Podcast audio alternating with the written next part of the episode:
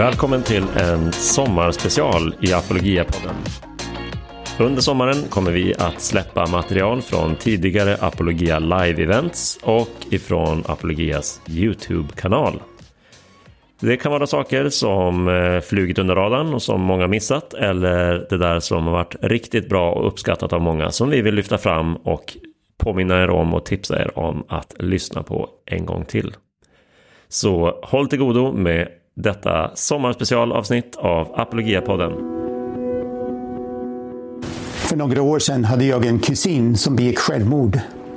Han tog ett jaktgevär och sköt sig själv i huvudet. På hans begravning var det flera kristna släktingar som försökte övertyga sig själv och eh, oss andra om att min kusin nu var i himlen. Han hade ju bett syndarens bön någon gång på söndagsskola när han var barn. Allt detta trots att han inte gav något som helst tecken på en kristen tro som vuxen. Vi vill inte tänka att en människa, som i min kusins fall, som har lidit av psykisk ohälsa i det här livet, nu också brinner i helvetet. Och inte bara det, utan kommer att brinna i miljarder år. Jag antar att vi alla älskar någon som ännu inte har bekänt tro på Jesus Kristus som Herre. Vi kanske har nära och kära som redan har dött utan att ha överlämnat sig till Gud i det här livet. Tanken på att vi trots alla indicier på motsatsen kommer att möta dem igen i himlen är väldigt tilltalande. Den här tanken med universalism, att alla människor ska bli frälsta, förkunnades bland annat av en del liberalteologer på 1800-talet.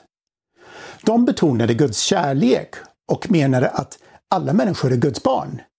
Trots att det står i Johannes kapitel 1 och vers 12 att åt dem som tog emot honom gav han rätten att bli Guds barn och åt alla som tror på hans namn och att Gud inte skulle döma något av sina barn till evig pina eller evigt straff i helvetet. Andra liberalteologer grundade sin universalism i religiös pluralism. De menade att alla religioner är lika bra, lika giltiga vägar för människor att möta Gud. Liberalteologerna hade tre huvudsakliga sätt att förstå Bibelns språk om helvetet. För det första, de menade att eh, de bibliska författarna som varnade för helvetet helt enkelt hade fel. Bibeln är en mänsklig bok och inte Guds ord. De mänskliga författarna ger utlopp för sin egen ilska och hämndbegär. För det andra, menar en del att eh, helvetet är det som vi människor gör mot andra människor och mot Guds skapelse genom våld och krig och övergrepp och svek med mera. Det är ingenting som Gud gör. Helvetet finns bara i den här livstiden. Och för det tredje menade många liberalteologer att helvetet fyller en rehabiliteringsfunktion. Det är inte straff för straffets skull, Således blir helvetet mer som skärselden, ett tidsbegränsat tillstånd som leder en människa till frälsning och helgelse. Men nu under de senaste 40 åren har ett växande antal evangelikal, evangelikala teologer med en konservativ bibelsyn också börjat förespråka universalism. Dock av andra anledningar än de gamla liberalteologerna. Och de anför både teologiska skäl och exegetiska skäl. Som teologiska skäl menar de att Gud vill att alla människor ska bli frälsta. Gud är allsmäktig och Gud kan göra precis vad Gud vill. Sen för det andra menar de att de frälsta i himlen och kanske även Gud själv kan inte bli riktigt saliga så länge människor de älskar lider evigt kval i helvetet. Och för det tredje menar de att Kristi seger över ondskan inte blir fulländad om det finns kanske ett stort antal människor i helvetet som fortsätter att leva i evigt uppror mot Gud. Och för det fjärde så säger de att eh, om Gud är kärleksfull och rättvis, hur kan då Gud straffa en människa i miljarder år för synden hon begår under en livstid på högst hundra år? Och för det femte, om Jesus säger att vi utan villkor eller förbehåll ska förlåta andra människor, hur kan Gud då göra mindre än det som Gud kallar oss att göra? Och för det sjätte, om Jesus dog för hela världen, då dog han förgäves för alla de som inte blir frälsta. Om Jesus tog straffet för världens synd, varför måste människor också straffas? Alternativen är att Jesus inte dog för alla utan kanske bara för de utvalda. Eller att Jesu död var inte straff för världens synd. Alltså att hela straffmetaforen är vilseledande. Vi förstår att Gud kan frälsa människor på flera sätt. För det första så kan han frälsa människor genom att de omvänder sig och tror. Det är inget konstigt med det, alla kristna tror på det. För det andra skulle Gud kunna frälsa människor genom att köra över deras fria vilja. Om människor i himlen eller helvetet ändå inte är fria, vad finns det då för fel med att Gud tar bort deras frihet redan nu? Eller i dödsögonblicket? Jag tänker så här. Om en människa gör ett självmordsförsök eller har självmordstankar anser vi allmänt att det är kärleksfullt av familjen att ta bort hennes frihet så att hon inte kan göra sig illa. Vi tror att när en människa får hjälp med att tänka klart så kommer hon till insikten om att hennes livssituation kanske inte är så hopplös som hon kanske trodde. Och samma sak med syndaren med sitt självdestruktiva beteende. Gud kan ta bort hennes, hennes frihet tills hon förstår vad hon håller på med och väljer att överlåta sig till Gud. Och för det tredje menar universalister att eh, Gud kan frälsa, frälsa människor genom att ge dem oändligt många chanser efter döden att fritt välja att älska Gud. Andra chanser efter döden är ett måste för alla former av universalism som jag känner till. Vi tar ett exempel här med den här lådan. I lådan finns en massa mynt. Vi kan säga att varje mynt representerar en människa. Och, vi säger, och varje mynt har både krona och klave. Så vi säger att eh, kronan, det är de som väljer att älska och följa Gud, överlåter sig till Gud. Eh, klave, det är de människor som ännu inte har gjort det. Nu, när vi tittar i lådan så ser vi att det är en del som visar krona och en del som visar klave. Och eh, ja, människor får många chanser i livet att säga sitt ja till Gud. Kolla. Ja, men nu är det några som visar krona och andra som visar klave.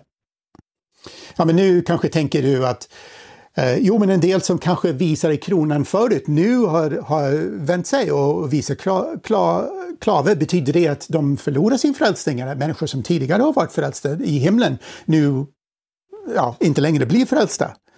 Ja, men universalister menar att just beslutet att följa Gud, att överlåta sig till Gud, är av en annan art än beslutet att säga nej till Gud. Så vi kan eh, säga då att de här mynten, de är, det finns lite lim på ena sidan. Så att när de väl vänder sig och kronan visar sig här, då sitter de fast så att de inte kan vända tillbaka igen. Och Gud kommer att fortsätta att ge oändligt många chanser så länge det krävs tills alla människor har sagt sitt ja till Gud.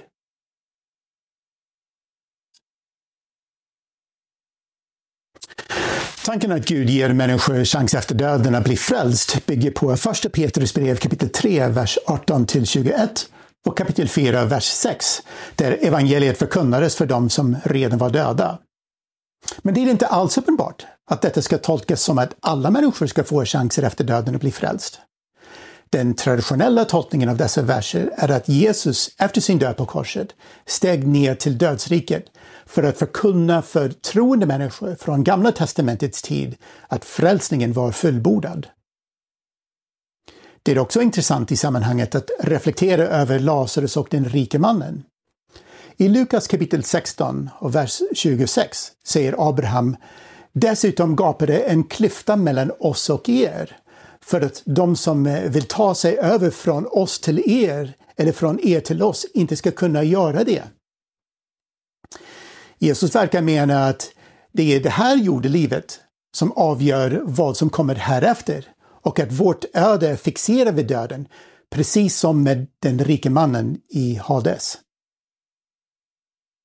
Nu, evangelikala universalister presenterar också exegetiska skäl för sin övertygelse. Vi tar några verser som eh, man brukar lyfta fram. Romarbrevet kapitel 5 och vers 18. Alltså, liksom en endas överträdelse ledde till fällande dom för alla människor, så har också en endas rättfärdiga gärning lett till frikännande och liv för alla människor. I den här texten verkar Paulus jämföra hela mänsklighetens synd och skuld som kom genom Adam med hela mänsklighetens frälsning som kommer genom Jesus Kristus. Två viktiga frågor i sammanhanget här är hur vi ska förstå, förstå ordet alla och Paulus argumentation i det större sammanhanget. För det första, ska vi förstå alla bokstavligt eller hyperboliskt? Jag hade en lärare på bibelskola som brukade säga allt betyder allt och det är allt som allt betyder. Men är det verkligen så? Markus skriver att hela Judeen och alla i Jerusalem kom ut för att se och låta sig döpas av Johannes döparen i Markus 1 och 5. Det är tveksamt att han menar att varenda person i Jerusalem, varenda man, kvinna och barn gick ut för att låta döpa sig. Alla betyder i det här sammanhanget ett stort antal, många människor. Men hur vet vi om alla ska tolkas bokstavligt eller hyperboliskt just här i Romarbrevet kapitel 5? Vi tror ju att varenda människa är syndare, som det står i versens första del. Men vad har man för skäl att inte tro att varenda människa blir frälst genom Jesus Kristus. I sammanhanget ser vi i vers 17 att Paulus skriver om de som blir rättfärdiga genom nådens överflödande rika gåva. Det är en liten ledtråd till hur vi ska förstå omfattningen i nästa vers. N.T. Wright skriver att alla människor som blir rättfärdiggjorda i Kristus inte handlar om alla individer, utan alla grupper människor, hedningar såväl som judar. Alla betyder inte alla utan undantag, utan alla utan distinktion. Det är en argumentation som Paulus utvecklar genom de första kapitlen i Romarbrevet, allt från kapitel 1 och vers 5. Genom honom har vi fått nåd och apostlaämbetet för att föra människor av alla folk till trons lydnad för hans namns skull. Alltså att både judar och hedningar står med en skuld inför Gud. Judar är ju syndare precis lika mycket som hedningarna. Och båda grupper riskerar Guds vrede och dom. Men både judar och hedningar har också tillgång till frälsning genom Jesus Kristus.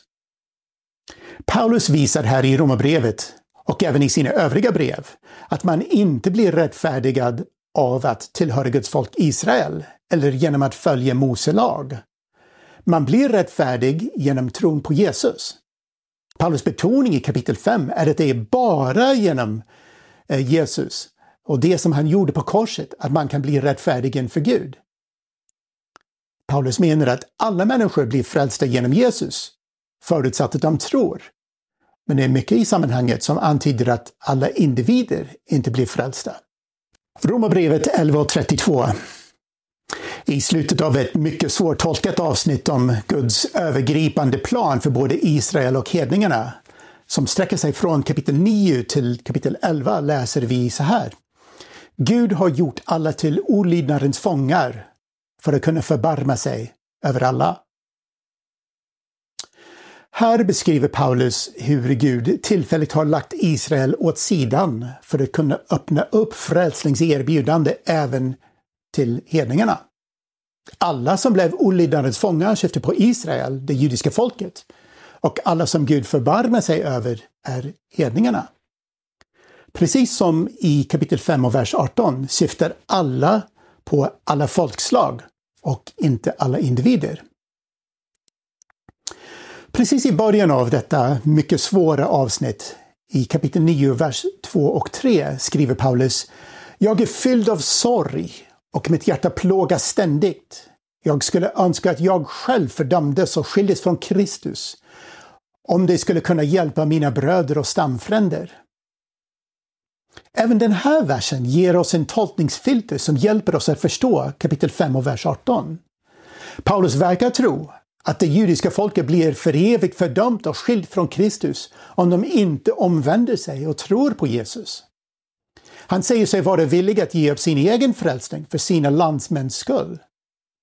Det är ett märkligt uttalande om Paulus egentligen tror att alla så småningom kommer att bli frälsta. I Första Korintierbrevet kapitel 15 och vers 22 läser vi Liksom alla dör genom Adam så ska alla få nytt liv genom Kristus. Det är en vers som påminner mycket om Romarbrevet kapitel 5 och vers 18.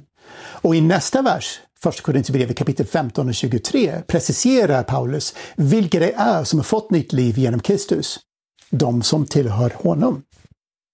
Vidare står det i, lite senare i, i vers 43 att de som Paulus här beskriver uppstår i kraft och härlighet.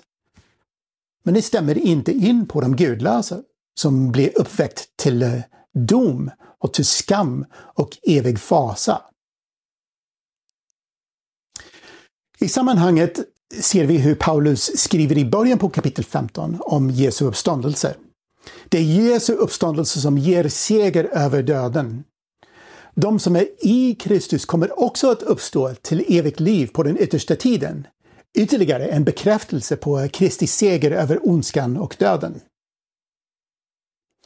När på den yttersta tiden alla Guds fiender besegras, inklusive den sista, fi sista fienden döden, kommer Gud att regera och bli allt i alla. Och strax innan detta vers skriver Paulus om den yttersta domen, där Jesus ska göra slut på varje välde, varje makt och kraft.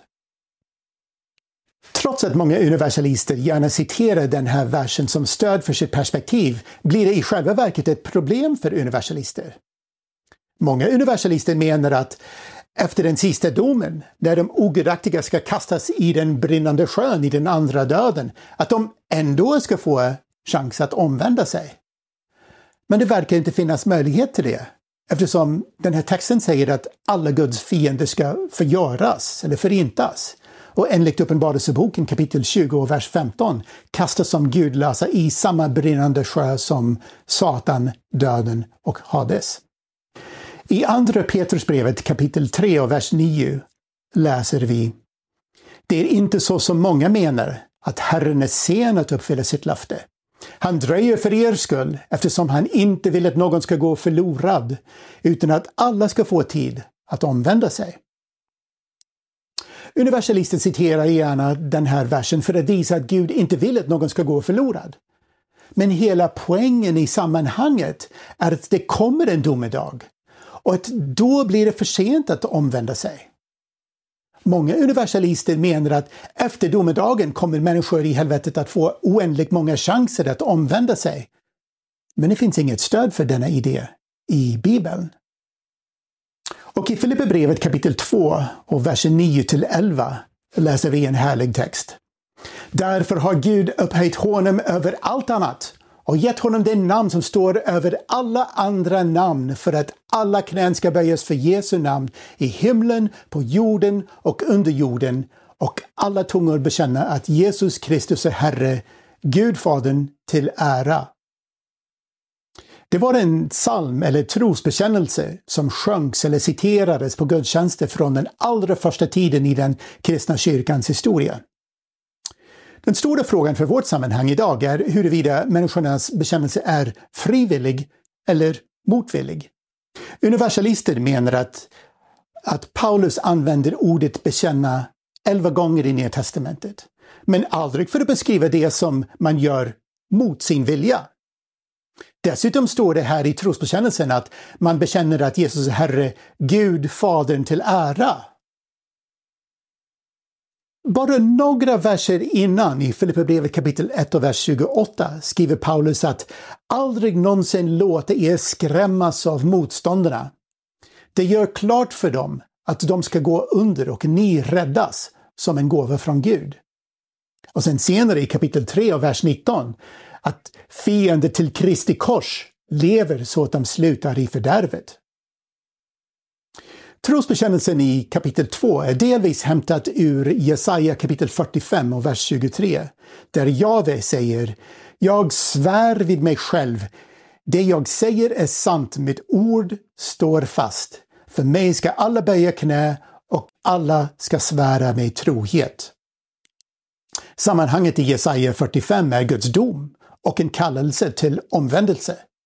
Och samma vers citeras sedan också i Romarbrevet kapitel 14, vers 10-12, där kontexten är att alla troende människor ska avge räkenskap inför Gud över hur man har levt sitt liv. Alltså, det finns två slags bekännelser. Att erkänna ett faktum och en överlåtelse som bygger på en övertygelse. De som inte bekänner Jesus som Herre som uttryck för sin överlåtelse till Kristus kommer i domen att erkänna i ljuset av obestridligt bevis att Jesus är Herre som ett faktum. Varför är jag då inte universalist? Jo, min första och största invändning mot universalism är just Bibelns vittnesbörd. Å ena sidan finns det otroligt många verser som berättar om att de gudlösa kommer att möta ett evigt straff. De ska förgås, gå under, förintas, slängas i den brinnande eldsjön och dö den andra döden. Å andra sidan finns det inga verser som tyder på att de gudlösa ska få flera chanser efter döden för att kunna omvända sig. För det andra menar jag att universalism omyndigförklarar individen. Om vi går tillbaka till självmordsmodellen som jag berättade om.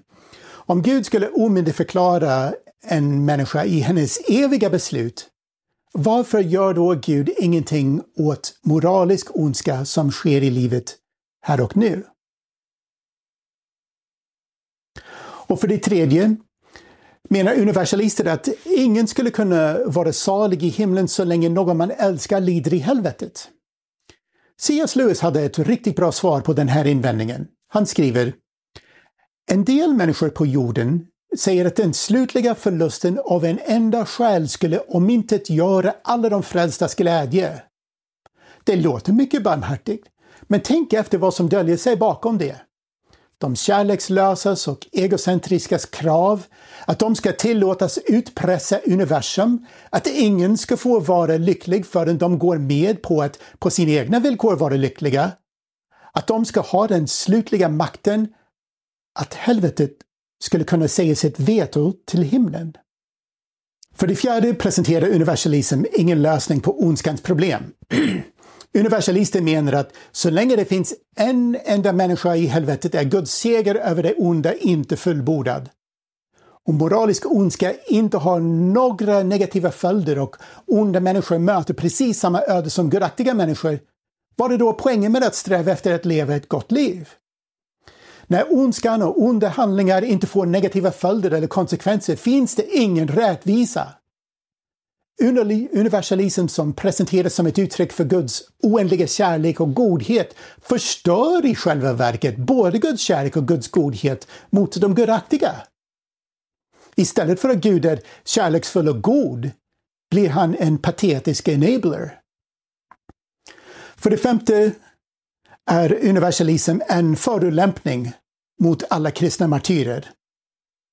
Det är ju som att komma med en klapp på huvudet och säga Se så, du hade inte behövt anstränga sig så mycket. För du hade kunnat bli, bli frälst ändå. Du hade kunnat förneka Jesus och slippa martyrdöden och, och ändå bli frälst. Herren har skapat oss att leva i gemenskap med sig själv. Han har ingen glädje i att döma de gudlösa till ett evigt straff. Men enligt Bibeln är det precis det som kommer att hända om man inte omvänder sig i tro på Jesus Kristus. I Hesekiel kapitel 33 och vers 11 läser vi Så sant jag lever, säger Herren Gud, jag önskar inte den gudlöses död. Jag vill att han upphör med sina gärningar och får leva. Vänd om! Vänd er bort från era onda gärningar. Israeliter, ni vill väl inte dö? Och i Lukas 13, verser 23–28, svarar Jesus när, när någon frågar honom om det bara är ett fåtal människor som kommer att bli frälst. Jesus säger Kämpa för att komma in genom den trånga porten. Jag säger er, många ska försöka ta sig in men inte lyckas. När väl husets herre har stigit upp och låst porten och ni blir stående utanför och bultar och säger Herre, öppna för oss! Så kommer han att svara jag vet inte vilken ni är. Och då säger ni, men vi har ätit och druckit tillsammans med dig och du har undervisat på våra gator. Och han ska svara, jag vet inte vilken ni är. Bort härifrån, ni är orättens hantlangare. Där ska ni gråta och skära tänder när ni får se Abraham och Isak och Jakob och alla profeterna vara i Guds rike, medan ni själva blir utdrivna. Gud önskar inte den gudlöses död, men det finns inga tecken i Bibeln på att dörren ska lämnas på glänt. Att det skulle vara möjligt för människor i helvetet att omvända sig och bli befriade därifrån.